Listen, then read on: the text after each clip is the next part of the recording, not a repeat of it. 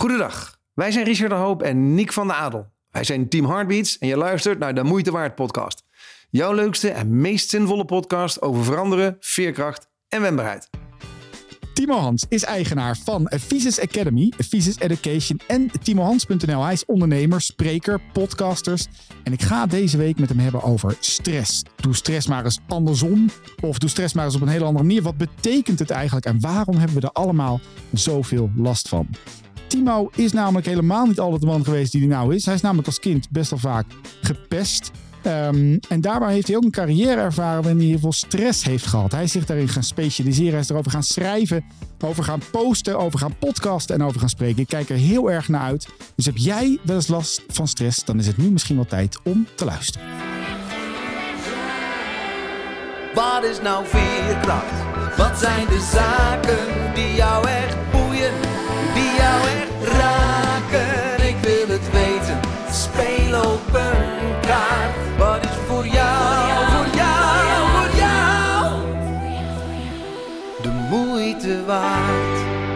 De en moeite waard podcast. Timo, welkom. Ja man, dankjewel. Leuk om hier te zijn. Nou, vice, uh, vice versa. Ik kijk um, een beetje dubbel naar deze uitzending uit. En A, we kennen elkaar inmiddels al heel eventjes. En um, we kennen elkaar uit het, uit het sprekersvak.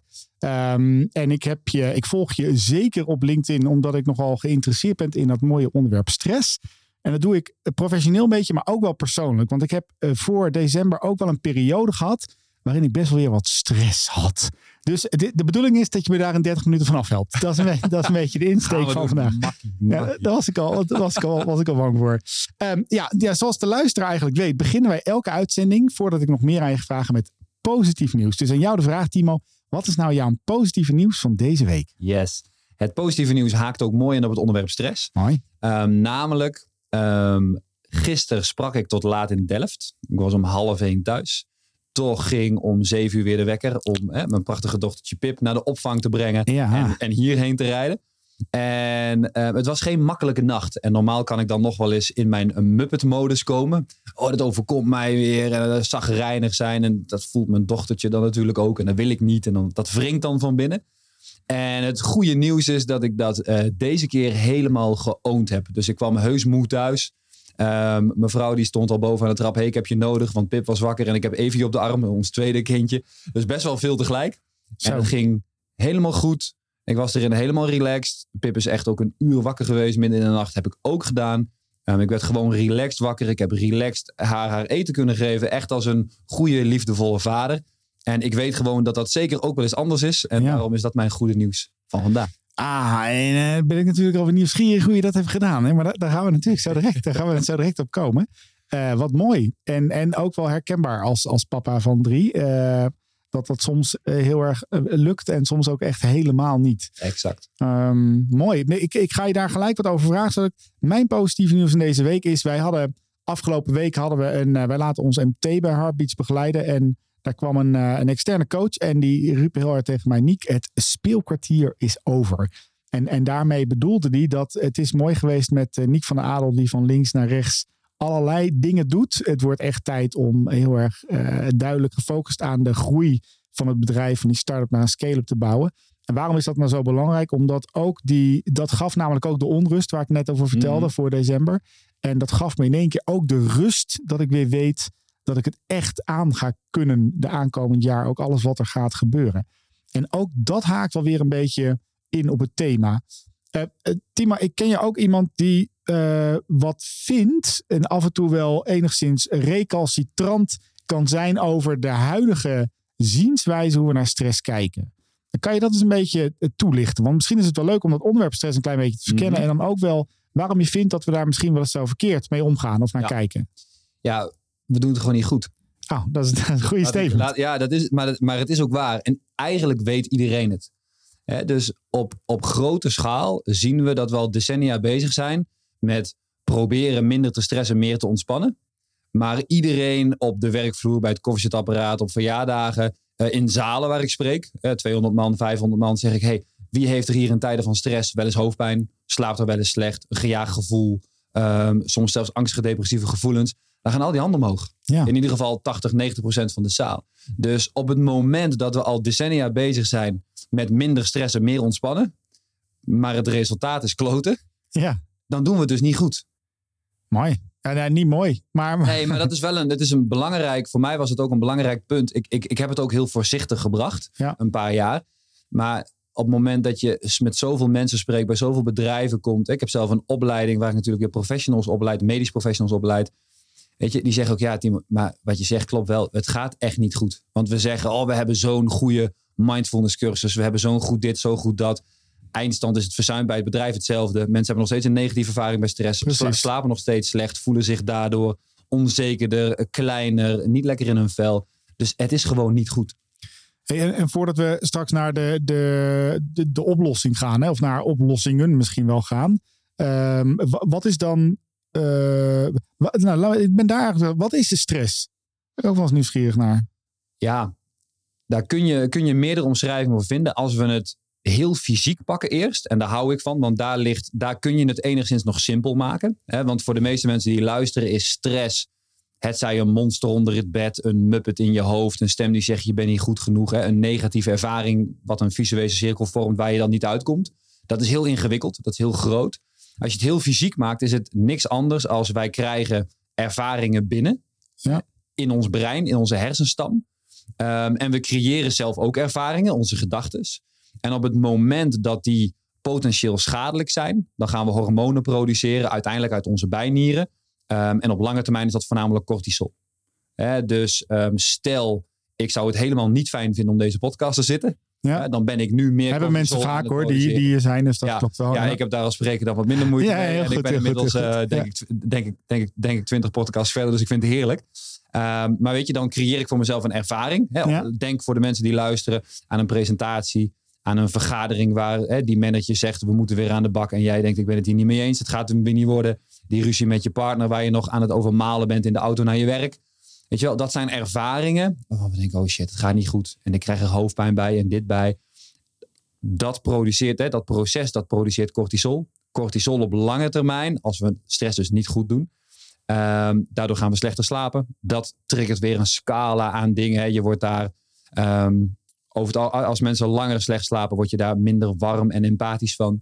Ehm, je hebt een minder probleemoplossend vermogen. Ehm, je overzicht, dus hè, het, het kunnen creëren van een helikopterview op een stressvolle situatie, verdwijnt langzaam. Weet je, en zo is dat, dat is alleen nog maar slaap. Weet je wel, dan hebben we het nog niet eens over wat het fysiek doet met je voeding. En of je dan blij bent als je in de spiegel kijkt, hè, of je een mooie persoon ziet. Maar dat, dat, is- dat is een, letterlijk een negatieve spiraal. Het is echt, weet je, mensen, en dat is ook het, het belangrijkste begin van de oplossing. Daar gaan we straks natuurlijk uitkomen. Iedereen in het bedrijfsleven, in de zorg, in het onderwijs, die last heeft van stress, die de vraag krijgt: wat weet jij eigenlijk van stress? Ja. Die zegt: ja, de huisarts heeft ooit gezegd dat mijn klachten komen door stress. Dus als ik in een stressvolle situatie kom, probeer ik een beetje rustig aan te doen. En dat is de kennis, dat is het fundament voor iemand waarop ze stress baseren. Dus als je het dan hebt over een negatieve spiraal, je begint nogal makkelijk een negatieve spiraal als je ergens geen weet van hebt. Hè, dat voelt snel onveilig. En de ervaring is negatief, want je krijgt hoofdpijn, je slaapt slecht, je wordt zagrijnig tegen je partner, je voelt jezelf een minder goede vader of moeder. Dus dat gaat heel rap. Vooral omdat dat kennisvlakje, weet je, ik, tijdens mijn opleidingen zeg ik het altijd, maar mensen weten geen ruk van vitaliteit. Hè, dus we denken dat de hoofdpijn ons overkomt, dat het slaapprobleem er is. Maar als we daar de juiste dingen over leren. Je, ik, we hebben nu eh 100, 200, 300 mensen eh, begeleid met burn-outs. Die soms gewoon binnen vier weken van een energieniveau 3 naar een 9 gaan. Geen hoofdpijn hebben, goed slapen. En zeggen, nou als dit het was, was het een peulenschilletje. Dus het is wel mogelijk om die schaal meteen weer terug op te klimmen. En zelfs door te spiralen naar boven. Maar dat begint wel met kennis. We, dus als je stress heel, heel spannend vindt. En er komt weer een stressvolle periode aan. één keer raden wat er gaat gebeuren. Hmm. Hij is wel eh, herkenbaar ook. En omdat ik eh, ooit heb mogen leren ook in... eh, ik heb daar hier in de podcast wel eens vaak iets over verteld... over de afbouw van mijn pijnmedicatie. Dus ik ben echt van die 30, 40 pillen per dag naar, naar nou wat is het nu, eh, eh, 10 gegaan. En dat noemen ze maar even in, in ge- getallen van pillen. Maar vo- voornamelijk de hoeveelheid is minder. Maar daar heb ik wel mogen leren altijd. Het, alleen maar het leren over pijn al een medicijn is tegen de pijn. Dus het leren over stress zal ook al een medicijn zijn tegen stress. Zeg, Ja. zeg ik het goed of niet? Dat zeg je heel goed. En kijk, uiteindelijk draait alles om ervaring. Ja. Dus ehm, eh, stel je eens voor, voor de mensen die luisteren. ehm, je weet eigenlijk niks van stress. Hè, laten we dat maar gewoon erkennen. Hè, dat je weet dat je af en toe een boswandeling maakt of een keer yoga doet voor je stress. dat is geen kennis over stress. Dat is wel een mooie intentie, maar da- daarmee heb je geen kennisvlak. Dus de meeste personen vertrekken met nul kennis. In hun opvoeding hebben ze van hun ouders iets geleerd over stress. Vaak dat het negatief is dat we het moeten vermijden. Tijdens opleidingen leren we dat ook. Ehm, dan komen we in een aantal stressvolle situaties terecht, waar we hoofdpijn ervaren, slecht slapen, een laag energieniveau, darmklachten, hè, een, een heel scala aan klachten. En dan lezen we bijvoorbeeld in de krant, hè, in het weekend als we een beetje bijkomen, lezen we een krantenkop. Stress oorzaak grootste crisis ooit. Ja, draagt dat dan met jouw geringe kennisvlak, met jouw negatieve ervaringen Precies. bij aan iets positiefs of aan iets negatiefs?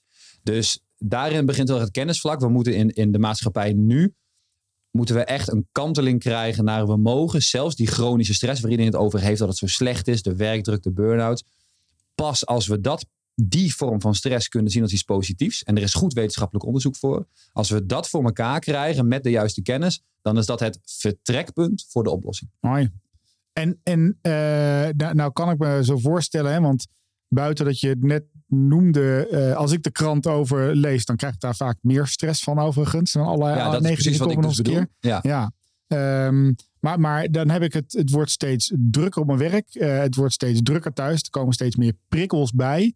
Ehm, ik maak me daardoor ook wel meer zorgen, merk ik, over de toekomst. Hè. Dus dat binnen bedrijven is dat zorgen maken, eh, is ook iets wat steeds meer, wat ik steeds vaker terughoor. Dat we nog ineens over het nu, maar letterlijk, hoe gaat die toekomst eruit zien? Ja. Is dat een relatie direct ook naar stress of niet? Dus druk zijn, zorgen maken.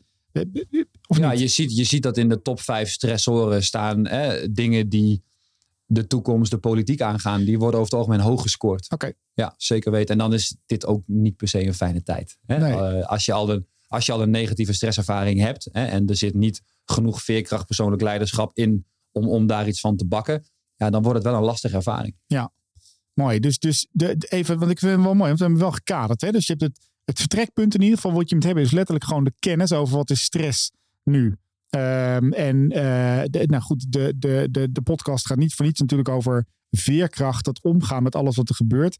En ik wil zo graag mensen ook de tools meegeven nadat ze nu hebben geluisterd. En misschien zitten ze wel in een werksituatie of een persoonlijke situatie waarin ze stress ervaren. Of in ieder geval ervaren dat ze het niet fijn hebben, maar nog niet zo goed weten wat ze eraan moeten doen. Dus je hebt die kennis opgebouwd, hè? Ja. Ehm, En dan moet ik even één dingetje ja. ankeren nog. Ja. Dus een heel belangrijk vertrekpunt in die kennis. Hebben wij een negatieve ervaring en onze omgeving, hè, dus het bedrijf waar we werken, de thuissituatie waar we zijn, de vrienden die we hebben, praten over het algemeen negatief over stress. Ja. Dan is in een stressvolle situatie het, het meest voorkomende hormoon cortisol. Dat is ons stresshormoon en daar krijgen we alle klachten van. Ja. Lukt het ons om met meer kennis een positieve ervaring te creëren in diezelfde stressvolle situatie, gaan we naast cortisol andere hormonen produceren die het kantelpunt zijn. Dus die hormonen die dan geproduceerd worden zijn een tegenhanger van cortisol. Poetsen zelfs een aantal negatieve effecten van cortisol weg. Helpen je ook leren in een stressvolle situatie. Wat we dus in een negatieve ervaring niet kunnen. Dus in die negatieve ervaring kom je elke keer maar weer in, die, in diezelfde sloot terecht. Ja. In die, als je stress als positief gaat zien, als je door die bril gaat kijken, ga je andere hormonen produceren. Waardoor je dus ook in staat bent die helikopterview te creëren. Van hé, hey, wat heb ik nou eigenlijk gedaan? Weet je wel, wat is hier nou eigenlijk gebeurd? Plus dat hormoon zorgt ervoor dat cortisol minder actief is. Waardoor je in dezelfde stressvolle situatie toch al beter slaapt. Toch al minder hoofdpijn ervaart. Toch al minder zagrijnig bent. En je dus ook daadwerkelijk voor jezelf kan werken naar een positieve ervaring. Mooi. Dus dat is, dat is aan, aan kennisvlak. Hè. Dat, Ja. We gaan natuurlijk samenvatten in deze podcast. Maar dat is even een, een, een cruciaal begin. Dat, dat gooit de weg open. En dan zijn er dingen waarmee je kunt trainen. Ja. Zo te zeggen. ja, heel goed. Dus het is niet het, is dus niet het, het veranderen van de situatie, zeg maar. Maar het is letterlijk de manier hoe je met die situatie omgaat. Zeg ik dat goed? Of in ieder geval hoe je naar de situatie kijkt. Of Juist. hoe je... Ja? Ja, ja, hoe je naar de situatie kijkt, bepaalt hoe je ermee omgaat. precies. Ehm, plus, en daar komen we, eh, als het aan mij ligt, in het laatste stukje van de podcast op terug. Ehm, omdat wij zo weinig weten over vitaliteit, ervaren we heel veel stress.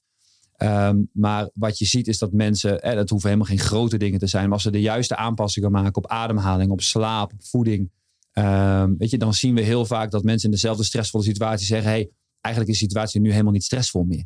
Ja. Dus daar wil ik het ook zeker nog, eh, zeker nog over. Nee, dat gaan we doen. En ja, ik word enthousiaster en enthousiaster, omdat het ook direct eh, we- ons onderzoek raakt. We hebben nu een groot veerkrachtonderzoek gedaan in Nederland. We gooien veel te veel vitaliteitsbananen, noem ik ze maar even, organisaties in. En we gaan aan de ingang staan en zeggen, hier heb je een banaan. En dan gaat het beter met je of zo Ja, op een dag. Ik ja. weet niet wat je met die banaan moet doen. Een heel ander verhaal. Eh, maar maar we, we geven zoveel aandacht aan dingen die niet helpen. Dus, en die hoor ik ook steeds terug in jouw verhaal zit, eh, komen. We doen zoveel dingen die eigenlijk helemaal niet dienend zijn aan vitaliteit of onze manier of in ieder geval stress ervaren. Ehm, Oké, eh, kennis. Eh, je hebt net het, het anker neergezet ook wel. Eh, door andere dingen te doen, ga je dus andere stofjes ook nog eens een keertje Ja. aanmaken.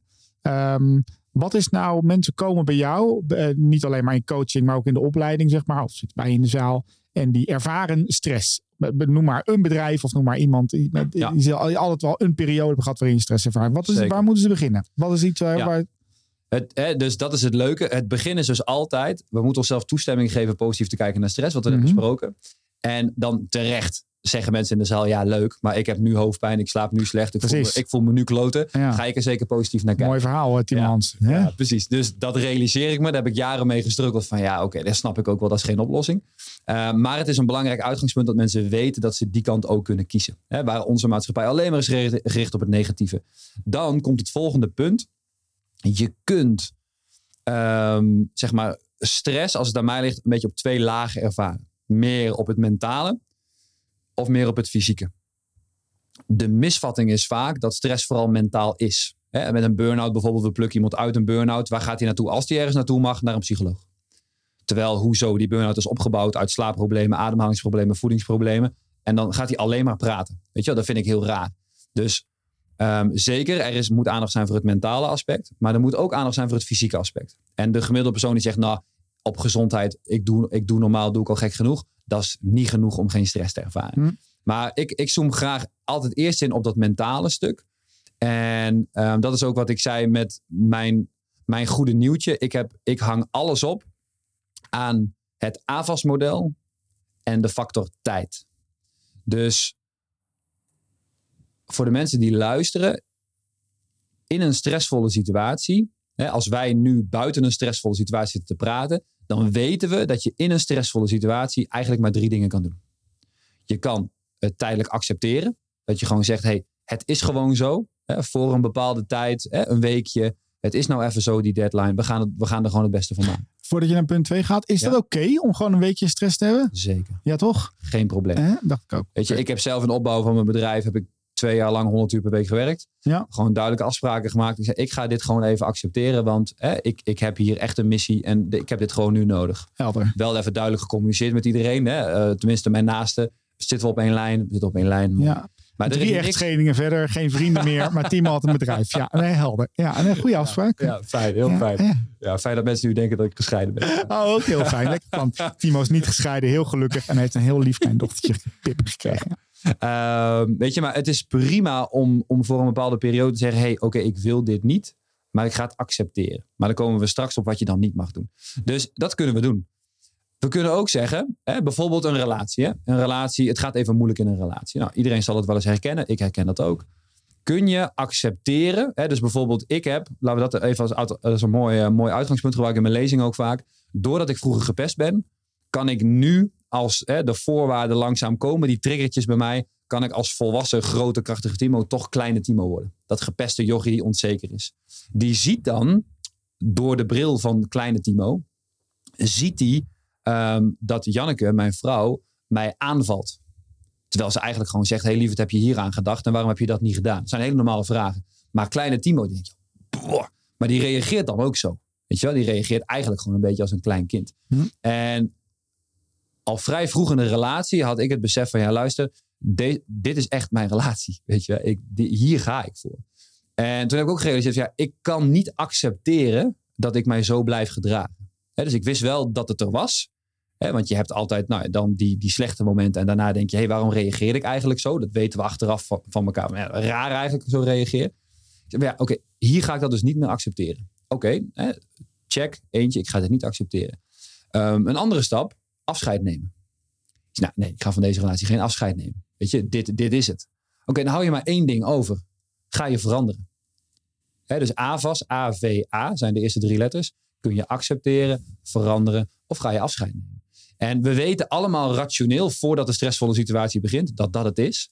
Maar als je een stressvolle situatie niet kunt accepteren, niet gaat veranderen en geen afscheid durft te nemen of wil nemen, dan komen we in dubbel Z van AVAS en dat is zeiken en zeuren. Het is zo zwaar en ik slaap ook zo slecht. En mijn partner die zegt allemaal, oh man, die, die vraagt zoveel van me. En op werk vragen ze nog meer van me. En dan hebben we ook nog die deadline. En ik heb er zo'n hoofd bij en ik kan er allemaal niks aan doen. Terwijl we allemaal stiekem wel weten dat dat het niet is. We weten dat ons lichaam klachtenvrij kan zijn. Dat we een krachtig lichaam hebben waar we op mogen vertrouwen. En we weten dat we gewoon eigenlijk, één, de situatie niet accepteren. Maar zeggen dat we het accepteren, maar gewoon aan het zeiken en zeuren zijn. Hm. Ja, dat zie je in de zorg toch ook vrij veel. Dat merk ik in ieder geval sowieso in de hoek van de fysiotherapie. Ehm, veranderen vinden we dan heel spannend. En terecht, ik ook. Maar afscheid nemen vinden we nog spannender. En daarom blijven we een beetje in dat midden hangen. En dan gaan we zeiken en zeuren. En als je ergens stress van krijgt, dan is het op een perceptie dat stress negatief is waar je klachten van krijgt. Zeiken en zeuren, waardoor je dus ook nog geen knopen doorhakt. Hè, dat, is een, dat is het recept wat we vandaag de dag praktisch alleen maar zien. En inmiddels heb ik met de opleiding 500, 600 fysiotherapeuten, psychologen, personal trainers, coaches opgeleid. Die zeggen van ja Timo, ik wou het eigenlijk niet geloven, want het klinkt zo. Maar nu luister ik naar mijn klanten. Hè, lees in dit geval de luisteraar. En eigenlijk is het gewoon samengevat precies wat er gebeurt. En voor mij is het belangrijkste waar je dus mee kunt beginnen met trainen. Voeg de factor tijd in. Dus je hoeft niet in een vergadering als ze vragen, ga je dat oppakken? Meteen te zeggen ja, terwijl je de deur uitloopt. Dat je dacht, oh, ik had eigenlijk nee willen zeggen. Je kunt ook gewoon zeggen, hey, ik ga er even over nadenken. Vind je het goed als ik daar zo even op terugkom? Hè? Of in een relatie. Ik had bijvoorbeeld met Janneke wel dat ik op een gegeven moment had ik het proces wel door, maar ik wist de oplossing niet. Ik zei, lieverd, ik zei, ik merk dat ik me zo voel, hè, dat ik weer zo reageer. Ik, ik wil dat niet, maar ik weet gewoon echt even niet hoe ik moet reageren. Dus vind je het goed dat ik hier straks op terugkom? Dit is zo'n... We gaan hier eventjes... een, Dit eh, is een tussentijdse tussentip. Dat is Anna, mijn eh, dochtertje. Een tussentijds tussentip. Want het is een hele belangrijke die je nou noemt, Timo. Want, want wat ik ook maar merk is dat mensen altijd maar door en door en door en door en door gaan. Ehm, en ik, eh, ik was gisteren een stukje aan het lezen en die had het over het inplannen van een strategische stop. Vond ik echt een heel erg mooi Ja. eh, woordje. Ehm, maar dat je dus, want, want nu hoor ik jou eigenlijk zeggen van het moment dus dat er zo'n reactie komt. Hè, dus dan kan je afstand nemen of even een stop inplannen of even rust inplannen.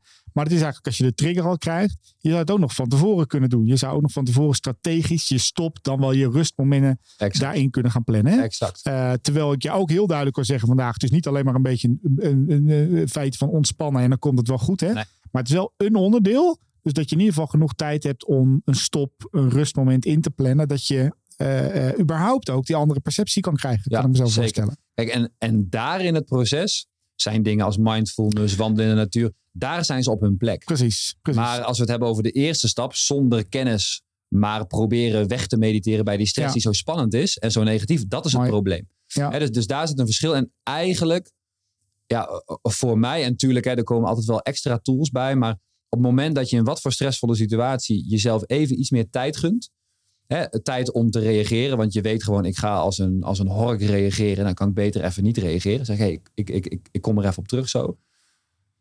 En dan is AFAS zo makkelijk, want je zegt gewoon, hey, oké, kan ik dit accepteren? Ehm, de opdracht die ik nu krijg van werk, bijvoorbeeld de deadline, kan ik die accepteren?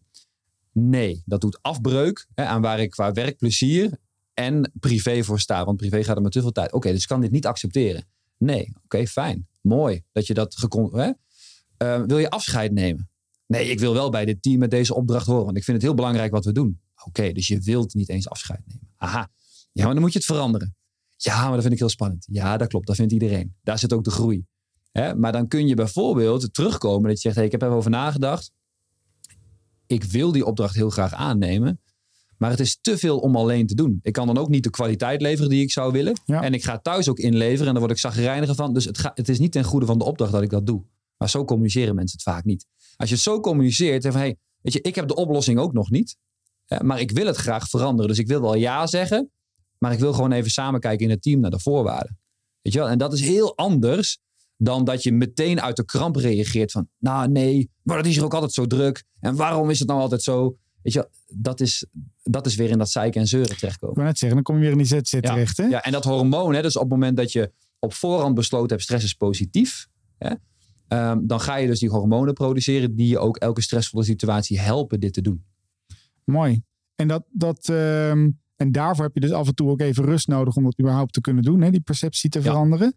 Ehm, stel je zit wel even, hè, dus, dus, dus kijk, eh, ik kom momenteel veel bij, bij, bij bedrijven waar letterlijk, weet ik veel, waar afdelingen dichtgaan, waar mensen, waar we ziekteverzuim van boven de 25, 30 procent hebben, waarbij we, waarbij je elke dag op je, op je werk komt en je collega is ziek, waarbij er, nou ga maar verder, ga maar verder.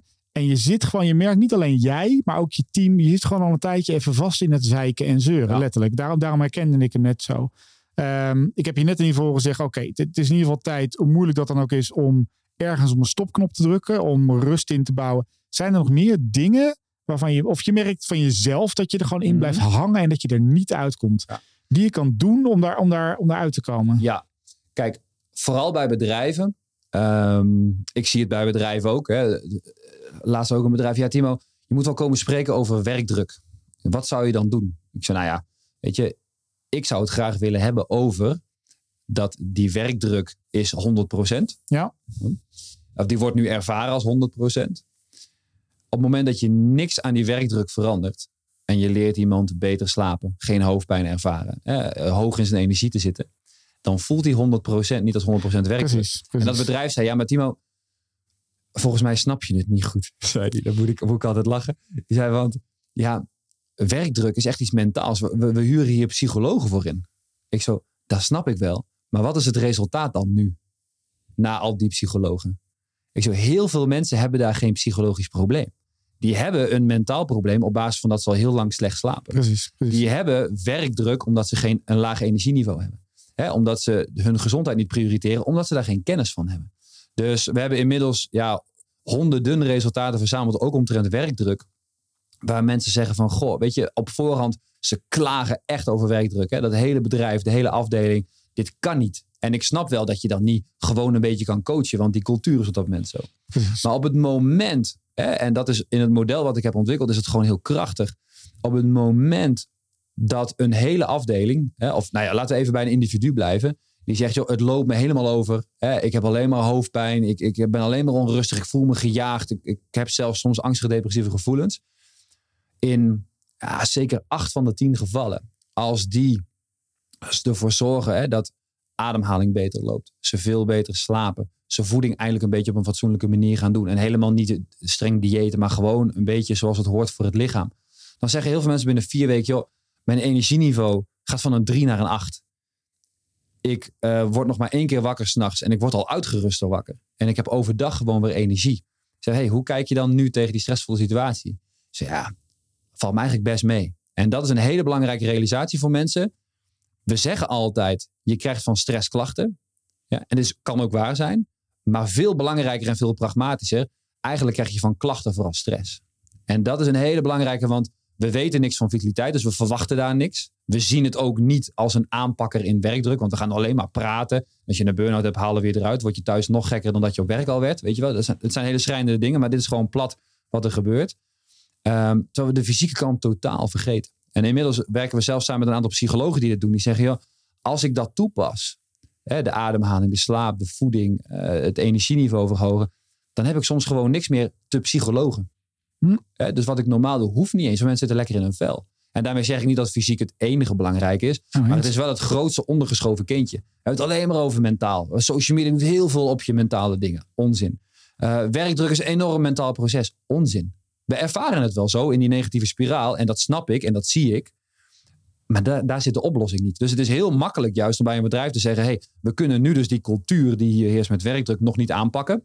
Dat is gewoon heel vaak heel moeilijk. Laten we dan in ieder geval het personeel hun energieniveau verhogen. Beter laten slapen. En heel vaak ontstaat daar heel veel meer ruimte. Dat mensen denken, hé, hey, ik ervaar minder werkdruk. En dan kan Maar- je daarmee hè, die opening gebruiken om... Nou, bijvoorbeeld het AVAS-model toe te kennen en positief naar stress te kijken. Dus dan draai, nou, doe je hem andersom. doe stress eens andersom. En het, wat ik het leuke vind is dat je noemde net even het woordje ruimte. Dan krijg je dus meer ruimte. Vaak ook wel benoem is dat, dat als je letterlijk ruimte weer weet te creëren in je hoofd. Als je ruimte in organisaties weer weet te creëren. In die ruimte zit vaak de oplossing. Hè? In die Exact. ruimte zit ook de ontwikkeling bijvoorbeeld van veerkracht. Die zit nooit in de, in de rush. Die zit nooit in het doorgaan met wat we altijd hebben gedaan. Die zit, en, en dat is letterlijk ook, die noem je straks om ergens een stop in te plannen. Maar misschien creëer je dus ook wel ruimte door eerst maar eens heel goed aan het lichaam te gaan werken. Aan slapen, eten, drinken. Ik heb je net allemaal wel horen noemen. Hè? Ehm, voordat je überhaupt eh, mentaal aan de slag gaat. Of misschien wel andersom. Het zal voor iedereen natuurlijk weer wat, wat anders zijn. Eh, maar mooi ingeven. Nou, er komt bij mij nog een, een volgende vraag. We hebben het nu best wel veel over de ik gehad. Hè? Dus de hoe raak ik, of hoe ga ik anders om met stress? Dan heb ik ook nog wel stress in organisaties, stress in teams, die dat met elkaar Mhm. of zo weten te. Alsof, het, alsof ze in een soort van cirkeltje zitten waar ze niet uitkomen. Ja, ik, Ehm, ja. hè? ja. Ja, Ja. toch? Ja, weet je hoe dat komt? En vertel eens. Nou, oké. Er is een bedrijf. Ja. En dit is echt, het is, ik, ik zeg het plat, maar in elk bedrijf waar ik, waar ik kom is het zo. Er is een bedrijf. Die huren mij in als spreker. Die zeggen, Timo, minder werkdruk alsjeblieft. Door jouw lezing. Prima. Dan heb ik contact, ehm, het zij met een directeur of het zij met een HR-medewerker of wat dan ook. En die weten niets van vitaliteit. Die weten niets van stress. Die hebben zelf een negatieve spiraal. Want die weten hoe moeilijk het leven kan zijn. En die slapen slechter. Die voelen zich gejaagd. En op basis van die ervaring gaat het bedrijf handelen. Uiteraard. Dus kunnen die überhaupt de juiste persoon aannemen? Weet je, kijk, ik vind het van de zotte dat in de week van de werkstress een bedrijf alleen maar psychologen inhuurt om workshops te geven. Ik snap niet hoe mensen tot dat idee komen. Omdat ik zie hoeveel de fysieke kant van vitaliteit daaraan bijdraagt. Soms zelfs het enige is wat er moet gebeuren. Maar als jij een directeur bent van een bedrijf en je hebt zelf je negatieve spiraal en je weet niks van stress. En de HR-medewerkers die daar werken, die verantwoordelijk zijn voor, de, eh, voor het verzuim, die hebben geen opleiding gehad in gezondheid, neem ik ze ook niet kwalijk. Maar die gaan dus zonder kennis, met hun eigen negatieve ervaring, een programma bedenken om hun personeel van stress af te helpen. Dat is het slechtste idee ooit. en, en dat is waarom het niet werkt. Want dan kom je dus op dingen als, ja, we moeten binnen onze organisatie echt minder stressen en meer ontspannen. Ik ja, dat roepen we al jaren, maar we komen er niet. Hoe kan dat dan? Ja, dat is gewoon omdat het heel lastig is. Ja, dat is het enige antwoord als je er geen kennis van hebt. Dus het is ook een frustratie van mij. Maar ik, Ik hoor het. Ik- Ja. Ik, zie het gebeuren aan de ja, andere kant omdat van de tafel. weet je, het, ehm, en ik, ik, ik heb ook niet de enige oplossing, dat zal ik ook nooit pretenderen. Maar weet je, als je mensen die normaal anderhalf jaar in een burn-out zit, als je al vijf jaar lang die mensen er, nou, 70% van die mensen er binnen vier tot acht weken echt uithaalt. En drie jaar later doen ze het nog steeds goed. Ja. Dus, dus er is ook, ook geen terugkeer. En, en, en we doen datzelfde met werkdruk. Ja, dan, ik kijk door een andere bril. Dus ik denk, hoezo gebeurt dit niet? Dus dat is ook de reden waarom ik naast de opleiding ben gaan spreken. Ik denk, het gaat zo valikant, het, het, nou, laat het positief, het kan zoveel beter hè, en zoveel trefvaardiger en zoveel positiever. En we kunnen ook zoveel besparen op dat vlak. Ehm, dat, ja, weet je, ik kan het niet meer niet zo zien. Ja, ik, ik geloof dat eh, als je luistert naar deze podcast, dat je misschien stress ook maar andersom eh, eh, moet, kunnen gaan, moet kunnen gaan zien. Timo, ik heb een hoop van je geleerd en ook wel weer een hoop gehoord, merk ik. En ehm, je hebt me wel, wel getriggerd dat stress in ieder geval begint met de juiste kennis daarin opdoen. Hè? De, letterlijk ehm, eh, meer gaan leren over dat hele fenomeen stress. Daarna je perceptie verandert, anders leren kijken naar stress. Ja, en dan komt natuurlijk die, eh, die AVO ook accepteren, afscheid nemen of veranderen. in plaats van het in zeiken en zeuren te blijven zitten. Zonder daar een wijzend vingertje over te hebben. Maar het kan, en die uitnodiging deed je heel mooi aan het einde denken. Het kan gewoon op een hele andere manier. Exact. En ik geloof dat er een gepassioneerd man tegenover me zit die een missie heeft hier in Nederland. Ik wil je onwijs danken dat je hier bij me te gast wilde zijn vandaag. En ehm, wellicht tot een eh, volgende keer hier in de podcast. Heb je nou ook genoten van eh, dit gesprek? Dan ben je uiteraard welkom om eens eh, Timo Hans te volgen. Dan wat te bekijken op Visus Academy of Visus Education. En wil je nou meer weten over de relatie van stress en veerkracht? Kijk dan eens op www.teamheartbeats.nl. Daar staan e-books, oefeningen en trainingen voor je klaar. En dan hoop ik je weer te zien op de, of dan wat te luisteren op de volgende uitzending. Ciao, ciao. Timo, bedankt. Heel graag gedaan. Wat is voor jou, voor jou, voor jou de moeite waard?